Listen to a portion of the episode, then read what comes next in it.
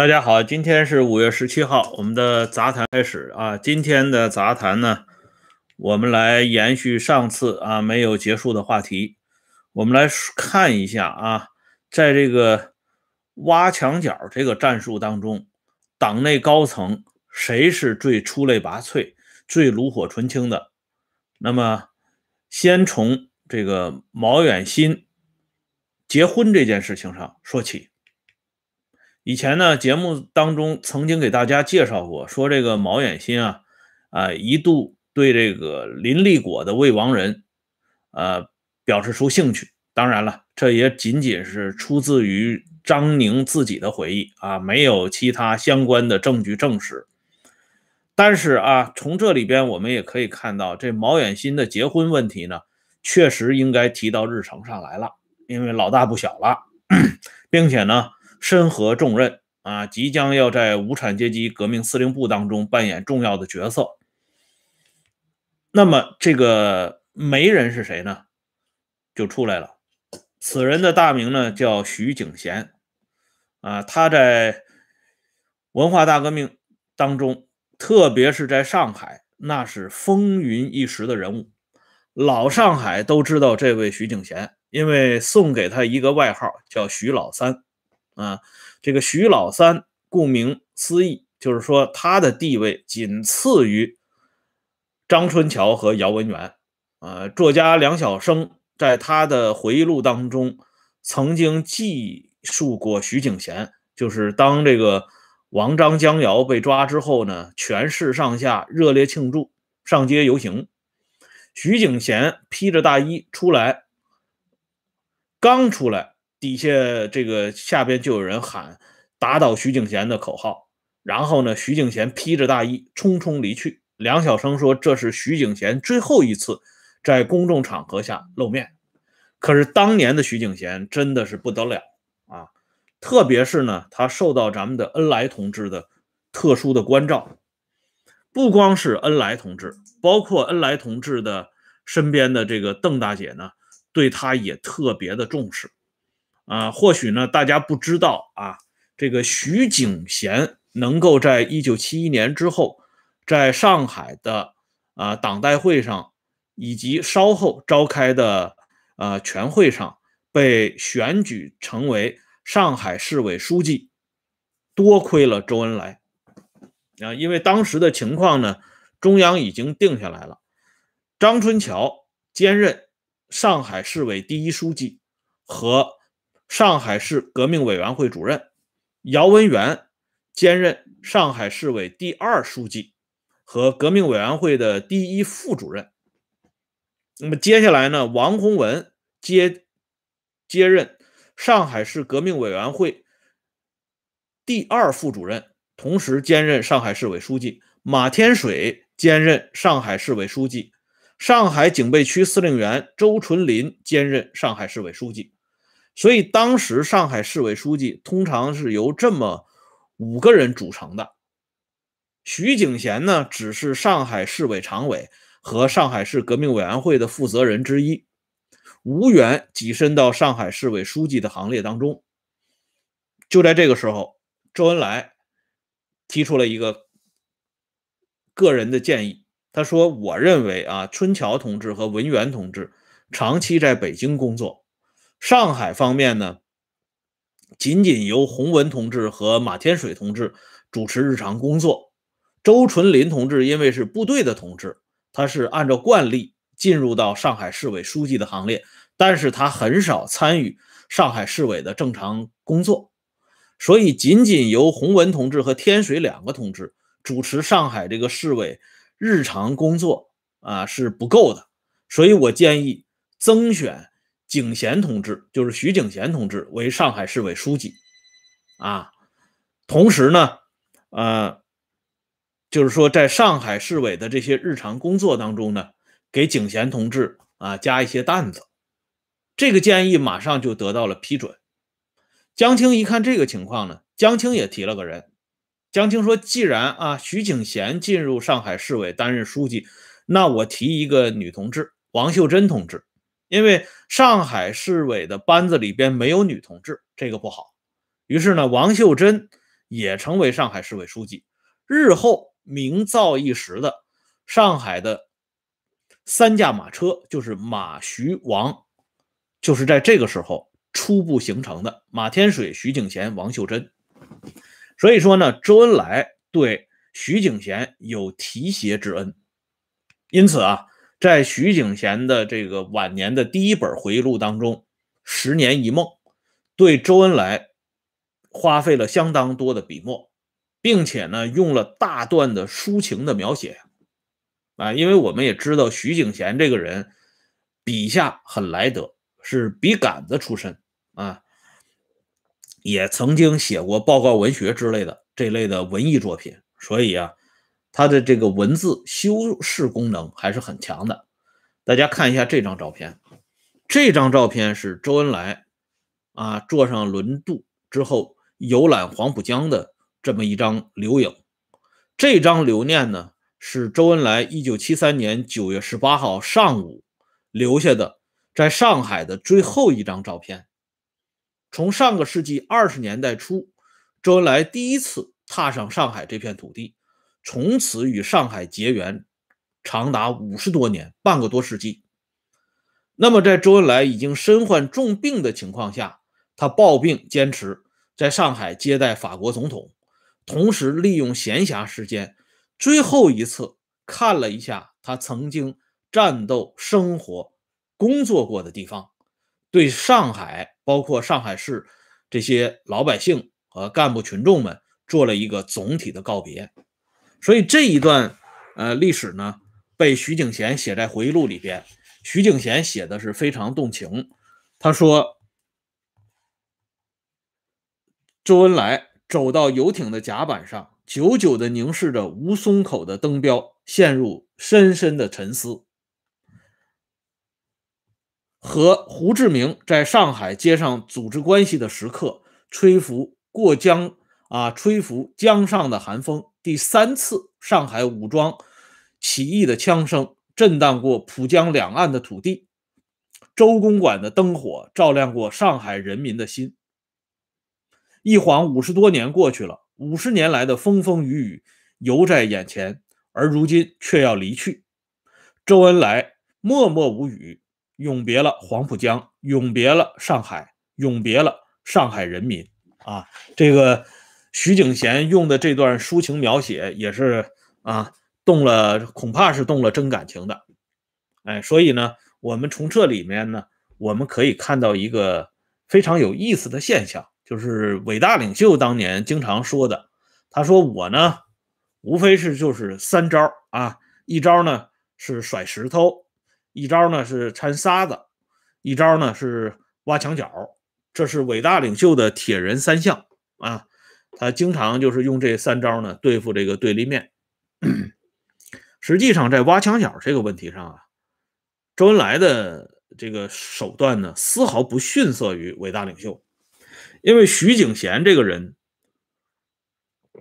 刚才我给大家介绍过，他在上海帮，在四人帮这个阵营当中分量是非常之重的，哎，而周呢挖墙脚挖到了徐景贤这里，也可以显示出周恩来夫妇在挖墙脚这个问题上确实是很有一套的。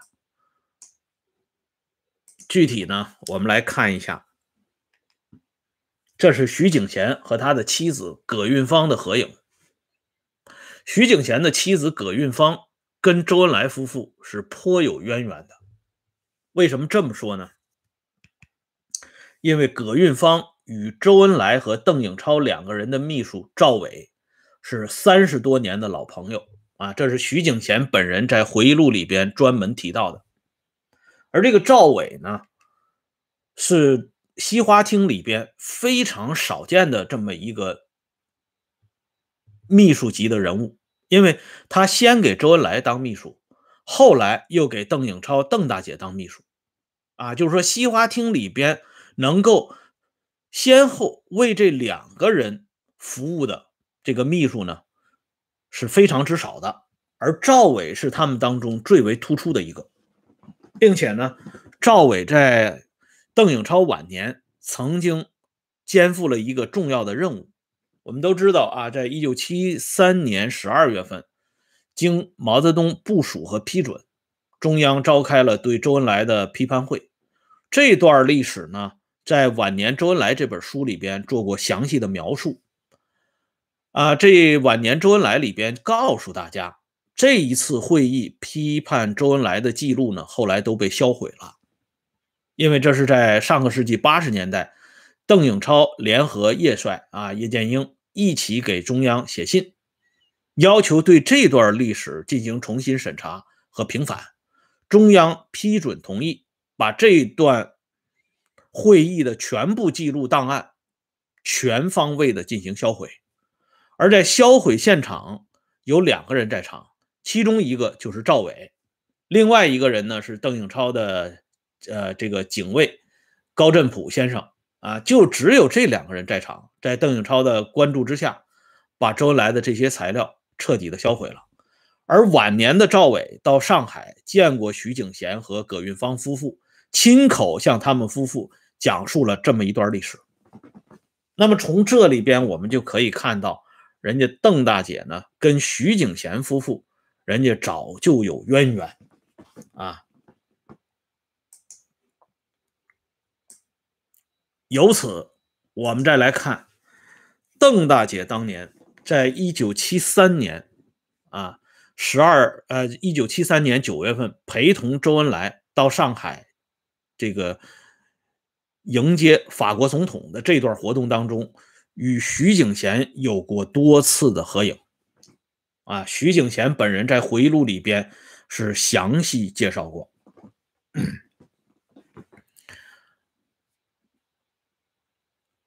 赵伟是副部长啊，这个有的朋友说赵伟是政协退休的正局级，错误啊，赵伟是全国政协副秘书长、副部级啊，而且现在呢，据说是享受正部级医疗待遇啊，这里呢简单纠正一下啊。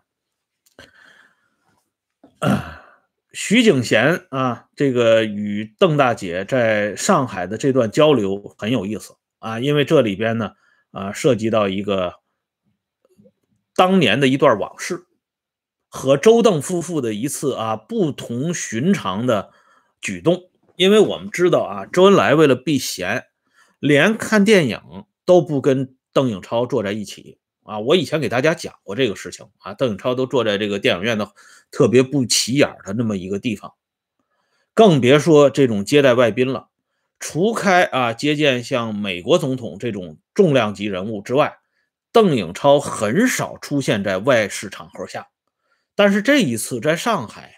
迎接法国总统的活动当中，邓颖超居然全程陪同周恩来。恐怕呢，也与周恩来对上海做一个最后的告别有直接的关系。反正不管怎么说，这两个人当年在上海滩叱咤风云，那是很有很有一段这个呃记载的。那么在游览故迹的时候，邓大姐呢，跟他跟徐景贤是这么讲的，他说有一次啊，我跟恩来同志呢。我们两个人没忍住，啊，到了电影院去看了一场电影，结果呢，第二天组织上就知道这件事情了，对我们两个人提出了严肃的批评，因为你们两个人看电影这件事情没有汇报，啊，在没有批准的情况下，你们两个人擅自到电影院看电影，这是组织纪律不允许的。邓颖超的这段回忆啊，被徐景贤如实的写在了回忆录当中。以前我给大家讲这个中央特科的时候，大家或许有印象，因为整个的中央特科组织都是牢牢的掌握在周恩来、邓颖超夫妇手中的。那么，作为中央啊情报系统的主要领领导人或者是主要负责人，他带着他自己的战友和伴侣或者是助手。去悄悄的看了一场电影，居然能让上一级组织知道，并且对他进行严肃的批评。由此可见，我们这个党能够赢得天下，绝非偶然。啊，所谓“山外青山楼外楼”，啊，强中自有强中手，在周恩来的身后也有人用一双明亮的大眼睛在盯着周恩来和邓颖超夫妇。那么，邓大姐讲述这段革命家史，仅仅是在说历史吗？恐怕不那么简单。她对徐景贤说的这番话，想必另有深意。当然了，这个深意，相信徐景贤自己也许能够体会得到。徐景贤一家呢，包括葛云芳，还有他的两个孩子徐瑶、徐运啊，都受到了邓大姐的亲切接见。邓大姐语重心长的说了这么一段话，她说：“你们要和徐景贤一道，保持革命本色，一辈子跟着主席干革命。”那么，把这段话和刚才咱们这个邓大姐与徐景贤讲述的呃那段革命家史啊进行对比之后呢，我们就可以看到啊，这个历史呢是有传承的。邓大姐告诉他们。与徐景贤一道啊，跟着主席革命到底，也不是没有来由的。咱们这个邓大姐呢，她在讲述自己历史的时候，还有一段插曲啊，就是他们那个在上海滩做秘密工作的时候，在遭遇这个巡捕房啊，这个巡捕有时候在街上设了一些哨卡，专门是这个在搜查来往行人。看他们身上有没有夹带这种啊不允许携带的东西啊文件呐等等这方面，邓大姐呢曾经化险为夷，气宇轩昂的躲过了这种检查。所以从这种经历，我们再来看当初江青居然啊嘲讽邓大姐是家庭妇女，可见啊这个江青的认识水平是多么的差。甚至赶不上徐景贤，哎，那么接下来呢，我们就要回到今天这个节目的主题。我们都知道，伟大领袖经常喜欢说的一句话，就是从来就没有无缘无故的爱，也没有无缘无故的恨。啊，咱们这个恩来同志和邓大姐为什么这么喜欢跟徐景贤打交道？啊，对徐景贤这么照顾有加，去看徐景贤的家里人，包括徐景贤的孩子。如果仅仅是啊简单的这种挖墙脚，恐怕还不能完全解释这种特殊的行为。因为这件事情呢，跟另外一个重要人物有关。此人呢，就是毛泽东的侄子毛远新。啊，这张照片大家可以看到，一张呢是领袖和他的侄子在一起的合影。另一张是毛远新的全家福啊，他和他的爸爸毛泽民啊，在还有他的妈妈啊一起合影。那徐景贤和毛远新他们之间有什么关系呢？这张照片呢是毛远新青年的时候和他妈妈的合影啊。最近呢，有的朋友啊跟我反映了一个情况，就是我这个节目当中呢有一些这个特殊的照片。发布之后呢，有的人比较差劲啊，他居然通过这个某种技术手段吧，把我的这个照片呢，啊，直接给拷贝下来，然后呢，发到一些不适合的地方去，引起了一些网友的愤怒啊，纷纷给我写信反映这个情况。所以呢，有的朋友就建议采取一些技术手段，防止这些人进行盗用啊，不得不呢，在上面做了一点简单的技术处理。啊，大家看的时候留心一下就好了。这是毛远新和他妈妈的一张合影。毛远新这个人啊，徐景贤是有过接触的啊。他们在这个 九大期间呢，包括在中共九届二中全会和这个庐山会议之后的批判陈伯达的座谈会上都有接触。徐景贤对毛远新有一个总体的印象，他发现这个毛远新这个人啊。说话口气很大，啊，而且胆子也非常大，经常敢说这个别人不敢说的话。所以徐景贤认为啊，毛远新之所以敢这么做，恐怕还是与这个毛远新的出身状况有直接的关系。徐景贤的原话是这么写的：“他说毛远新在谈话时喜欢纵论天下大事，观点很尖锐，口气很大，有点粪土当年万户侯的味道。”徐景贤对毛远新的观察是很仔细的啊。他说呢，毛远新这个人长相英武，双目炯炯有神，唯独在嘴唇上有一处伤痕。啊，不经意之间是看不到的，那只有近距离才能看到。据说呢，是因为一次车祸造成的，缝了几针，但总算没有破相。而且徐景贤也讲了，毛远新比徐景贤小八岁。啊，那么围绕在毛远新这个身上发生了什么事情呢？就是毛远新的婚姻大事。在这件事情上，徐景贤那是出了风头的。啊，甚至徐景贤出的这个风头，比沈阳军区司令员陈锡联出的风头都大。哎，毛远新看上了当时沈阳军区司令部门诊部的一个护士长的妹妹。毛远新和这个妹妹是如何走到一起的呢？徐景贤在这里起了什么样的关键的作用呢？咱们留待明天接着说。感谢朋友们上来收看啊！欢迎大家关注温相说时政会员频道，周一到周五每天都有更新。再见。